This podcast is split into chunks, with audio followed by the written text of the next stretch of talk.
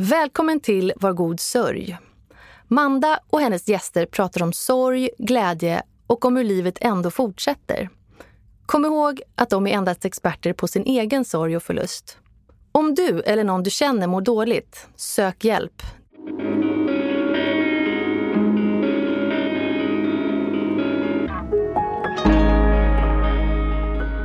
Jag är expert på min sorg och mina gäster i Var god sörj är experterna på sina. Jag lär mig så mycket av varje gäst jag träffar, men ibland så vill jag förkovra mig ännu mer av det som tagits upp i samtalen. Som till exempel bemötande av människor. Ett så kallat, ja, jag skulle vilja kalla det ett fenomen som jag alltid har fascinerats av, men inte riktigt alltid förstår kanske. Det kan vara bemötande i sorg och förlust, men också på jobbet, bland vänner eller varför inte i matvarubutiken. Jag hittade till min stora glädje boken Psykiatri för icke-psykiatriker och föll handlöst för titeln. Jag köpte boken, slukade den och insåg att det finns bara en sak att göra. Jag bjuder helt enkelt in författaren till boken, psykolog Agnes Mellstrand, för att få hjälp att förstå och få träffa någon som brinner för bemötandets betydelse lika mycket som jag.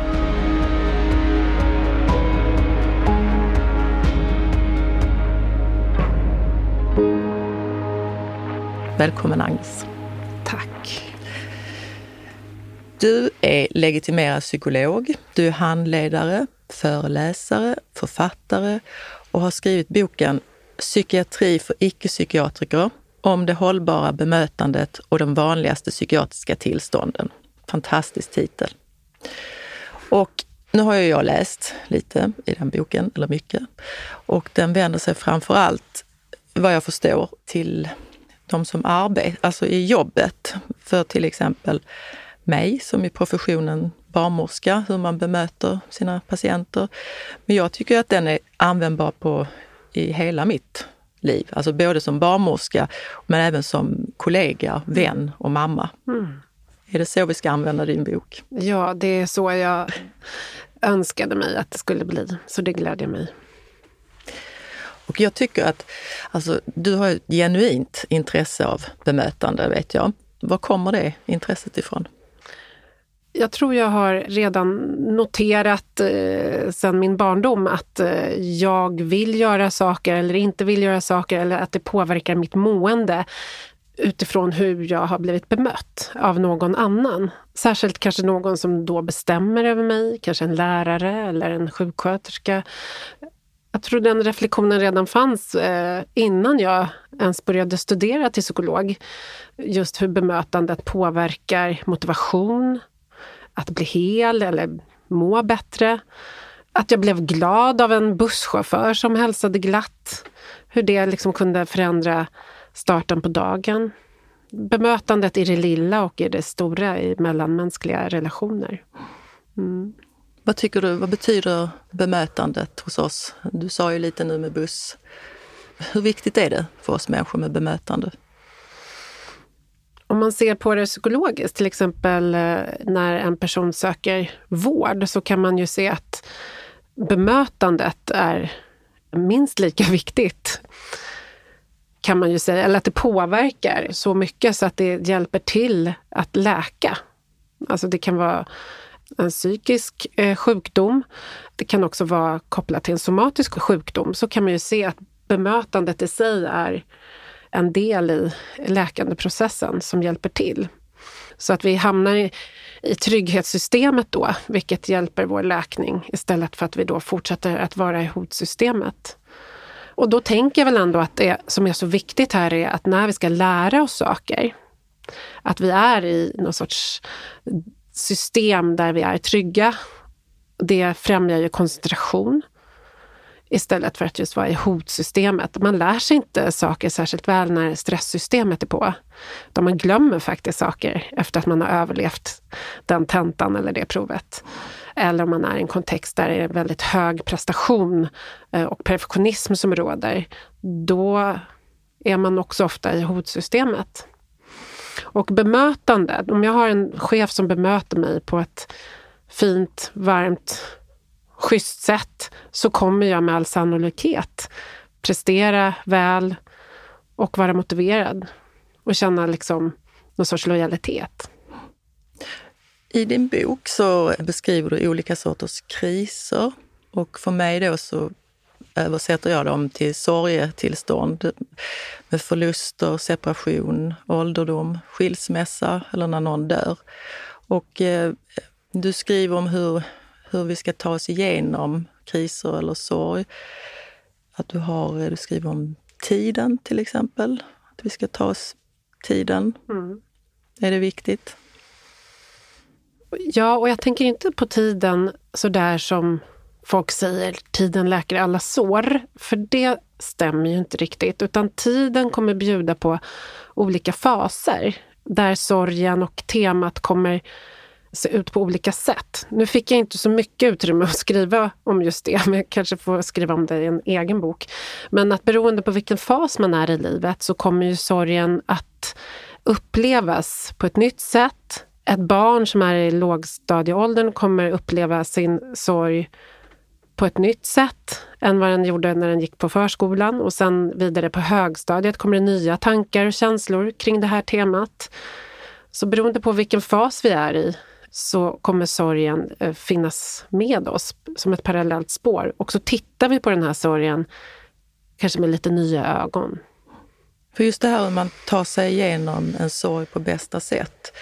Att det här att ensam inte är starkast, men stöttande omgivning och professionell hjälp. Och det beskriver du ju också mm. att man behöver.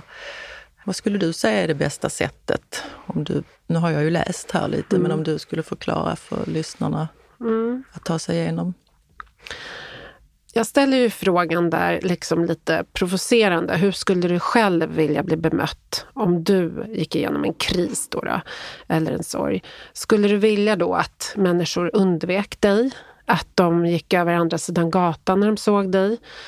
Du skulle kanske känna själv att du inte skulle vilja besvära andra eller att de skulle tycka det var obehagligt. Det kanske till och med skulle vara så att du härbärgerade andra. Vill man ha det så? Jag ställer den frågan med flit för att man ska komma ihåg det där. När man är själv den som ska bemöta en person i sorg, vara så att man faktiskt viker för undvikande impulsen. Att man drar sig undan från den personen som är i sorg. Och svaret på din fråga är att det en person som är i sorg oftast behöver är en trygg omgivning som vågar gå emot sin egen undvikande impuls. Och den undvikande impulsen är helt mänsklig. För många tänker, jag vill inte säga fel saker, jag vill inte väcka en björn som sover, tänk om jag gör saken värre för henne. Känn igen det där och gå emot det. För det är inte så att den personen som är i sorg kan berätta på ett strukturerat sätt vad hen behöver och hjälpa dig att hjälpa hen. Så det är liksom något sorts kollektivt ansvar vi måste ha här, både som chef, som vän, kollega, som vänner. Att vi går emot vår egna undvikande instinkt vid kriser och sorg. Särskilt de här mer dramatiska, som väcker någonting hos omgivningen också. Men kan det vara så att människor är så pass rädda för detta eftersom det är så tyst mm. runt sorg? När någonting dramatiskt händer, det blir väldigt tyst. Mm det utmanar ju någonting existentiellt. Vi tvingas att tänka på frågor som vi helst då inte vill tänka på. Vilket gör att min kris kan väcka någonting hos någon annan. Det kan vara tankar som ja, katastroftankar av olika slag. Tänk om det där skulle hända mig eller vad det nu är. Det river ju upp någonting som människor i sitt vardagsliv helst inte vill tänka på. Så det är obekvämt på det sättet. Och det menar jag skulle vara så mycket bättre om vi kände igen den instinkten och gick emot den. Hur kan man få kraft till det då? Min man gick bort mm. och sen eh, har jag en vän som samma sak, det händer samma sak. Och jag som är för att man ska prata mm. och bemöta så tycker det är jättesvårt mm. att säga rätt sak utan att jämföra med mitt som är ganska likt. Mm. Förstår du? Mm. Det är jätte... Får man lov att säga, hur gör man när man pratar med en, en sörjande? Jag försöker komma ihåg hur det själv var, men mm. sen, så fort det gäller någon annan. Mm. Om jag ändå får faktiskt gå tillbaka till din berättelse som jag har lyssnat på. Det jag kommer ihåg mycket väl från den berättelsen var just att du blev omringad av liksom vänner som hjälpte dig med det praktiska. Att det var skratt där, det var matlådor och den typen av eh, personer som hjälpte till utan att du egentligen behövde navigera så mycket. Och jag tror att fler skulle behöva komma ihåg att när de hjälper till så handlar det inte om att de ska problemlösa en persons problem. De kan inte ta bort det som har hänt, de kan inte trolla bort det. Men jag tror att många vill det. Att de tror att de ska hjälpa till på ett sätt som gör att den andra kommer må bra. Alltså att om jag kommer hem till dig så ska jag få dig att bli glad igen. Det är inte det som är uppgiften. Och det som just gör, det är den här, det kallas för någon sorts hjälparreflex att vi vill hjälpa till och då känner vi i samma stund vi tänker det, att vi ska, att vi inte kommer kunna göra det. Vi kommer inte räcka till. Det här är för stort. Jag kommer bli indragen i någonting som jag inte själv kommer kunna hantera. Och sen är det liksom upp till varje individ och situation och se vad kan jag bidra med? Vad kan jag faktiskt påverka i det lilla? För jag kan ju inte påverka det faktum som har hänt. Alltså det är ju inte det jag ska påverka. Att få dig att bli glad eller lycklig, ta bort det här problemet.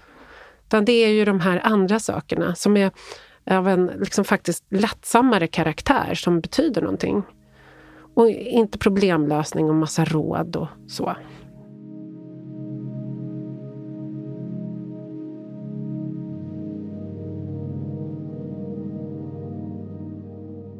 Man säger ju ofta sådär att det inte finns något rätt och fel, mm. utan bara vara där för personen. Men finns det verkligen inga rätt och fel i bemötandet mot en person som är i sorg? Jag håller inte med det påståendet. och jag funderar på om jag, varför man säger så. Jag vet inte. Det finns inga fel. Vad är det för snack? Det kan bli jättefel. Och det är klart att det är det som skrämmer människor som ska bemöta, att de vill ju inte göra fel och då gör de ingenting. Och då blir det fel, för det är faktiskt det mest allvarliga felet. Det är ju tystnaden, att man faktiskt aldrig vågade säga någonting eller göra någonting. Så det finns fel ibland som har att göra med så klassiska fel ibland när det kommer till dialog. Att man eh, intellektualiserar, alltså att det blir sådär lite mekaniskt. Man förklarar någonting för någon som är i sorg eller i kris. Alltså genom någon sorts enkel förklaringsmodell som kan kännas invaliderande. Det begreppet använder vi, alltså icke-bekräftande. Man kan istället för normalisera någons känslor bagatellisera dem. För att, att normalisera dem är ju inte samma sak. Att normalisera handlar ju om att påminna den som sörjer att den inte är ensam, att det finns samhörighet i detta. Jag tror att du tänker också på såna här uttryck som jag förstår precis. Det sa till och med min nioåriga Maja häromdagen att så kan man inte säga. För ingen kan faktiskt förstå exakt hur just jag känner. Det är, är hennes sant. mamma psykolog? Eller? Ja, det är ja. Det var klokt av henne. Mm. Och så finns det ju så andra sådana där, att folk eh, tar sig själva som exempel. Lite som du var inne på, det kan ju vara hjälpsamt. För det vet man ju att människor som sörjer och barn, att de mår bra av att till exempel vara med i såna här sorgegrupper där man känner en samhörighet. Det är ju hjälpsamt.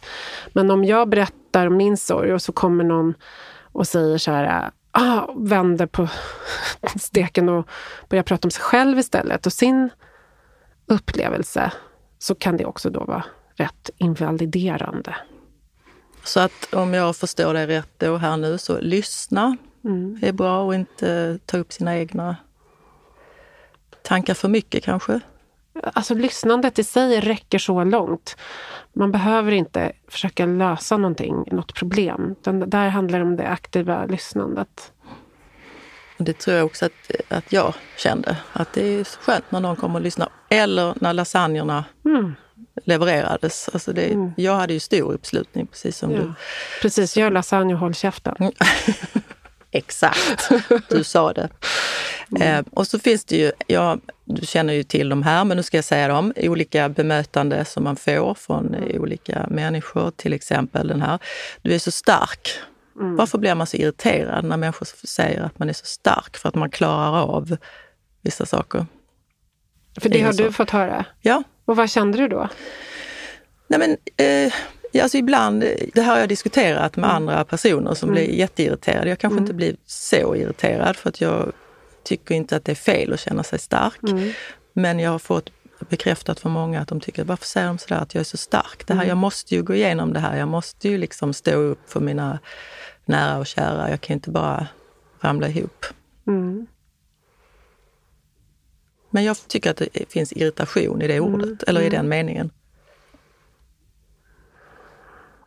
Ibland när man jobbar med trauma och någon har känt sig väldigt hjälplös i den situationen, tappat kontrollen, alltså, eller upplevt en kontrollförlust för, för att någon annan liksom har kanske förgripit sig på en eller vad det nu som har hänt. Det kan också vara en förlust. Då kan man ha en bild av sig själv som eh, hjälplös och svag. Att man inte har någon kontroll alls över situationen då är det faktiskt så att det kan vara hjälpsamt att till exempel i samtalet med en psykolog fråga sig hur man fick styrkan att fortsätta trots det som hände. Så det kan man ju kanske tänka om lite här, att det kan finnas en fin del här som handlar om att hur fick man styrkan ändå? Nu vet jag att det var det du inte menade, att folk kanske menade att man förutsätter att man måste vara stark. Men man är ju faktiskt också väldigt skör och utsatt och svag och det måste man ju få känna också.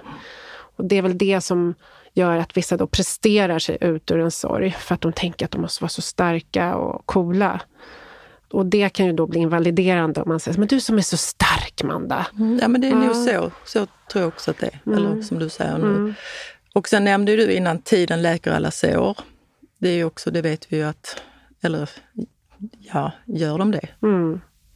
Eller läker de alla sår? Ja, ja och, och jag håller ju inte med om nej, det nej. uttrycket. Eh, även om tiden är en faktor, det ser vi ju. Oavsett om det rör sig om riktiga somatiska sår eller ett psykiskt lidande, så är ju ändå tiden det vet man ju själv hur någonting kändes ena dagen, att det några dagar senare känns på ett annat sätt. Så mer. Så tiden är en aspekt som man kan förlita sig på. Men jag menar ju ändå att sorgen kommer ju inte försvinna med tiden, utan den kommer gestalta sig på nya sätt. Ibland så får jag för mig att människor tror det. Att mm. ja, nu har det ju gått så här lång tid så då är det väl liksom mm, klart. fett besvikna. Japp. Mm. Men den här då? Jag vill inte störa så att jag har inte hört av mig. Ja. Där kommer ju den här undvikande responsen in, som jag då tänker är mänsklig och där jag vet också att barn och ungdomar tänker så att ingen kommer vilja vara med mig för jag är ju liksom besudlad av sorg och kris här. Så att det är klart att ingen vill vara med mig. Och den andra som undviker tänker, jag ska inte eh, närma mig henne för att tänk om jag säger fel saker. Jag måste liksom vara förberedd eller jag måste ha mer tid om jag ska ringa henne för då kanske jag fastnar i ett samtal som pågår i två timmar. Eh, nej, jag måste hitta rätt tillfälle. Så det är ett undvikande som jag tycker präglar vår omgivning jättemycket. Att det är obekvämt. Eh, det är den här slippa-responsen, kortsiktiga slippa-effekten man får ut av det. Och på lång sikt så leder ju det till att folk drar sig undan från varandra, att relationerna ja, svälter. Tror du att vi skulle behöva nästan ha, precis som matte och svenska och sånt, ett ämne i skolan för när vi är små, hur man bemöter sorg och förlust? Ja, alltså man pratar ju mer om hur man kan till exempel i kriser hjälpa barn och ungdomar att förhålla sig till krisen och sorgen. Till exempel om en, en klasskamrat drabbas av en förlust. Att man faktiskt till och med innan det händer någonting har eh, samtal kring hur man pratar om svåra känslor och, och kring kris och undvikanden. Att det kan vara den här första impulsen som kan drabba en själv då. Och hur man ändå kan försöka vara stöd. Så att, vad var frågan? Nej men alltså jag tänker om man kan... Eh, jag skulle vilja säga att vi svenskar överlag är mm. ganska försiktiga mot mm. varandra. Då med det här yes. att vi inte stör. Och så. Mm. Kanske man kan rusta mm. även alltså från låg ålder. Mm. Att död kommer hända i ert liv, förlust kommer hända i ert liv det behöver inte bli ett deppigt ämne för det. Nej, exakt. Och det är väl min förhoppning och det är ju det jag ser också att utvecklingen rent psykologiskt eh, i samhället går framåt. Att vi jämfört med 80 och 90-talet redan, om jag jämför med min barndom, vi pratar mer om känslor med barn. Alltså det är på väg åt rätt håll på alla möjliga sätt så finns det större förutsättningar att inom min generation pratar mer med våra barn än vad våra föräldrar, som absolut inte hade någon särskilt stor kunskap kring det, gör. Så vi har ju ändå brutit den där negativa spiralen liksom på kollektiv nivå. Men jag håller med om att det fortfarande finns en försiktighet, en konflikträdsla och en försiktighet som är svår. Ja, man kanske skulle kunna göra någonting mm. åt det. Och du är jag ute och, ja, jag skulle säga att du ja. ute och föreläser. Föreläser du också för yngre? Vad är yngsta? Det är alltså, jag får i uppdrag att föreläsa om det här. Alltså, det finns liksom nästan ingen... Det går inte att generalisera vad det är för kund, utan det är alla möjliga som jobbar med ungdomar, med barn. Det kan vara förskolor, skolor. Det är vård och omsorg, men det är också liksom branscher som, liksom, som inte har någonting med vård och omsorg att göra. Förpackningsbranschen. Liksom. Mm. Alltså, det är det som är min, mitt mission, att jag vill komma ut med den här kunskapen just för att människor ska våga prata mer med varandra och vara mer toleranta för olika uttryck och olika sätt att fungera på.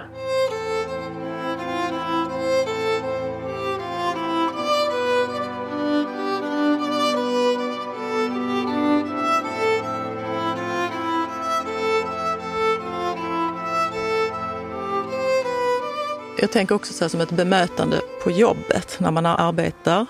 Att det pratas liksom skit bakom ryggen mm. och eh, människor dras med i det här. Den mm. personen, mm. ofta märks ju det, mm. alltså personen som blir utsatt märker ju det. Kanske blir du ledsen, drar sig tillbaka.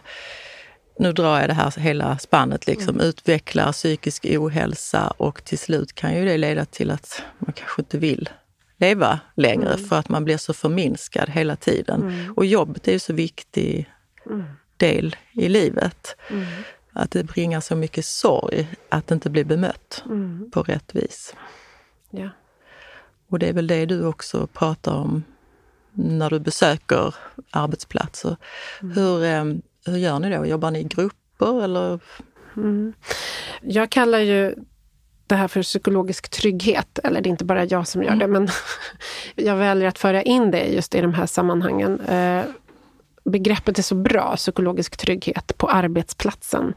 På en arbetsplats med psykologisk trygghet så vågar man vara sig själv. Man vågar erkänna misstag, man vågar ta upp saker, man vågar ha sin diagnos och så vidare. Man kan vara personlig och professionell.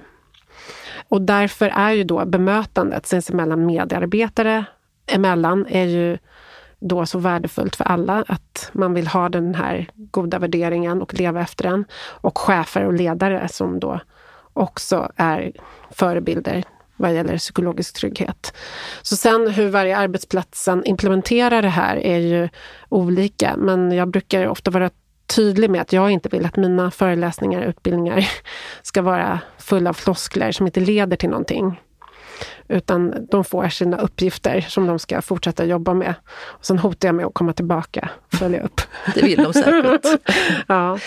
Men det kan vara fina ord, liksom. men jag är lite trött på det snacket. För det är ju massa fina värdeord där ute som florerar, värdegrunder och allting. Men vad är det för beteenden? Vilka beteenden leder oss i den önskvärda riktningen som ger oss psykologisk trygghet? Det är ju det man ska fråga sig och det är de beteendena man vill se mer av och som man ska ge uppmärksamhet till. Men är det här en psykologisk trygghet då? När jag hade varit sjukskriven ett tag efter min man gick bort. Då när jag kom tillbaka, mm. då var det liksom ett omfamnande.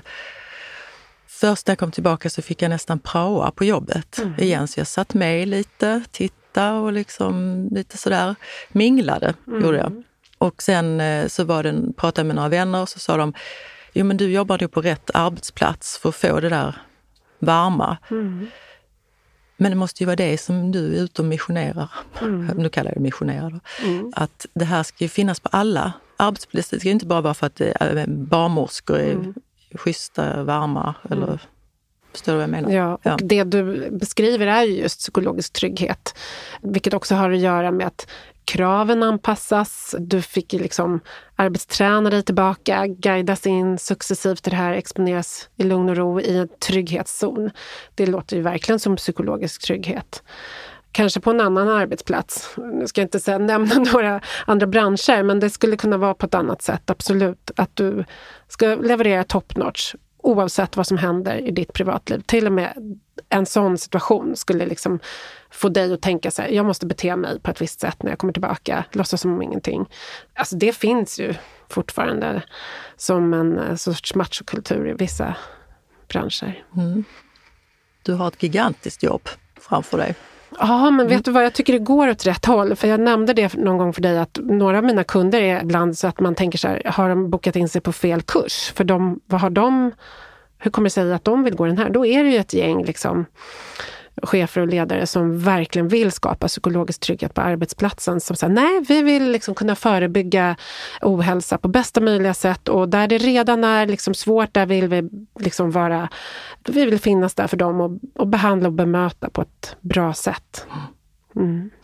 Du pratar om eh, medveten närvaro i din bok. Jag undrar om det här är det som är medveten närvaro. För att jag har blivit mycket mer Ja, men jag tror att jag har blivit mer närvarande och nu ska jag ge exempel på det. Mm. Att jag ser hjärtan överallt. Jag ser liksom om någon har torkat diskbänken, oh, nu var det ett litet hjärta, så tar jag bild på det. Eller, mm. eller så tittar i gatan, oh, titta nu mm. var det en liten tuggummi här som är, är, är det medveten närvaro? Ja, vet du, det är det. Det är någon sorts förundran och att man fångar ögonblick, just sådana där saker. Och efter en enorm kris eller vad det nu är, det kan vara någon, vad säger man, ett, något sorts uppvaknande, så kan just förundran väckas.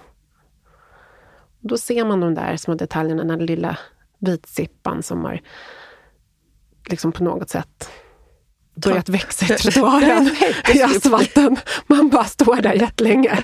Och nu är det så med mina barn att de säger, kan vi gå nu mamma? För förut var det ju de som stod där och förundrades och nu drar de med mig.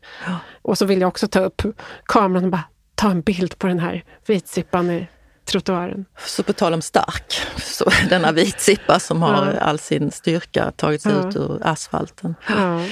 Också, jag tänker när man sörjer, eller i sorgebearbetning, så här, då är man ju i olika stadier. Nu återkommer jag till det här hur man ska bemöta en person i sorg. För det är ju det är så olika, både vad personen själv vill. I början kan, det är de här olika faserna såklart. Det finns ju fyra olika Ja, man, man beskriver de olika faserna som då egentligen inte är till för att man, ska, man måste känna att man går igenom dem till punkt och pricka, utan det är mer en beskrivningsmodell av Johan Kullberg som är bra tycker jag.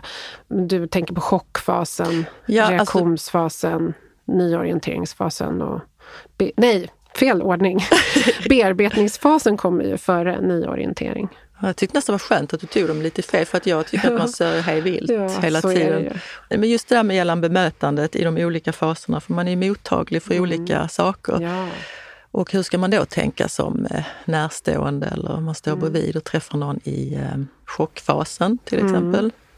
Jo, men jag tänker då att det kan vara klokt att ha koll på den här beskrivningen. För att om jag då tror att jag ska problemlösa på ett särskilt sätt med en person i chock, till exempel hur gör vi nu med, med de här hyreskostnaderna?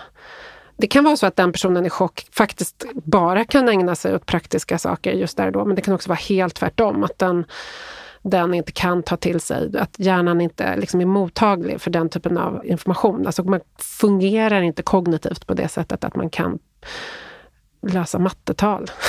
Men det är lite så att man kanske ska vara, man ska tänka efter. Mm. Okej, nu är det i början av den här personen så kanske jag bara ska mm. ja. fråga lite sådär. Eller? Ja, alltså ta hänsyn lite och också vara tolerant. Eh, säg att det är en person som just nu är extremt känslosam och gråter mycket.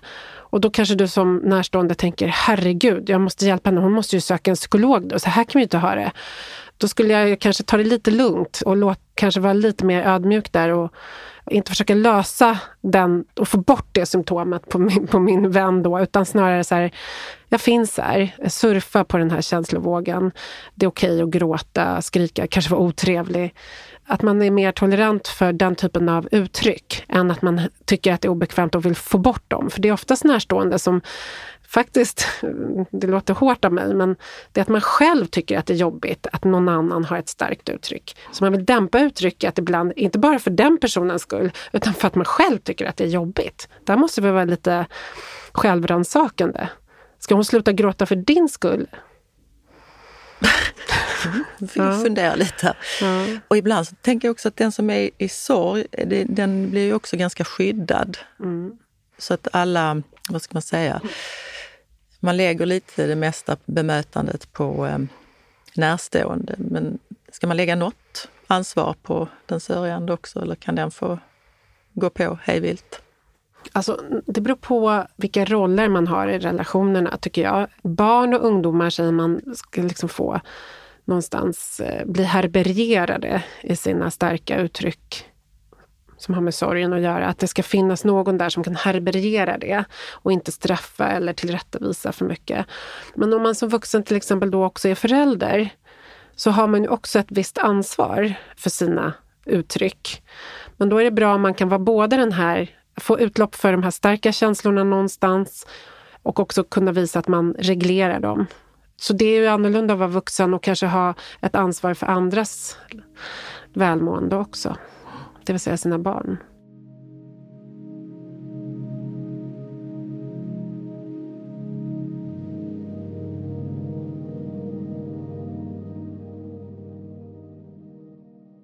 Vad betyder ett gott bemötande för dig, Agnes?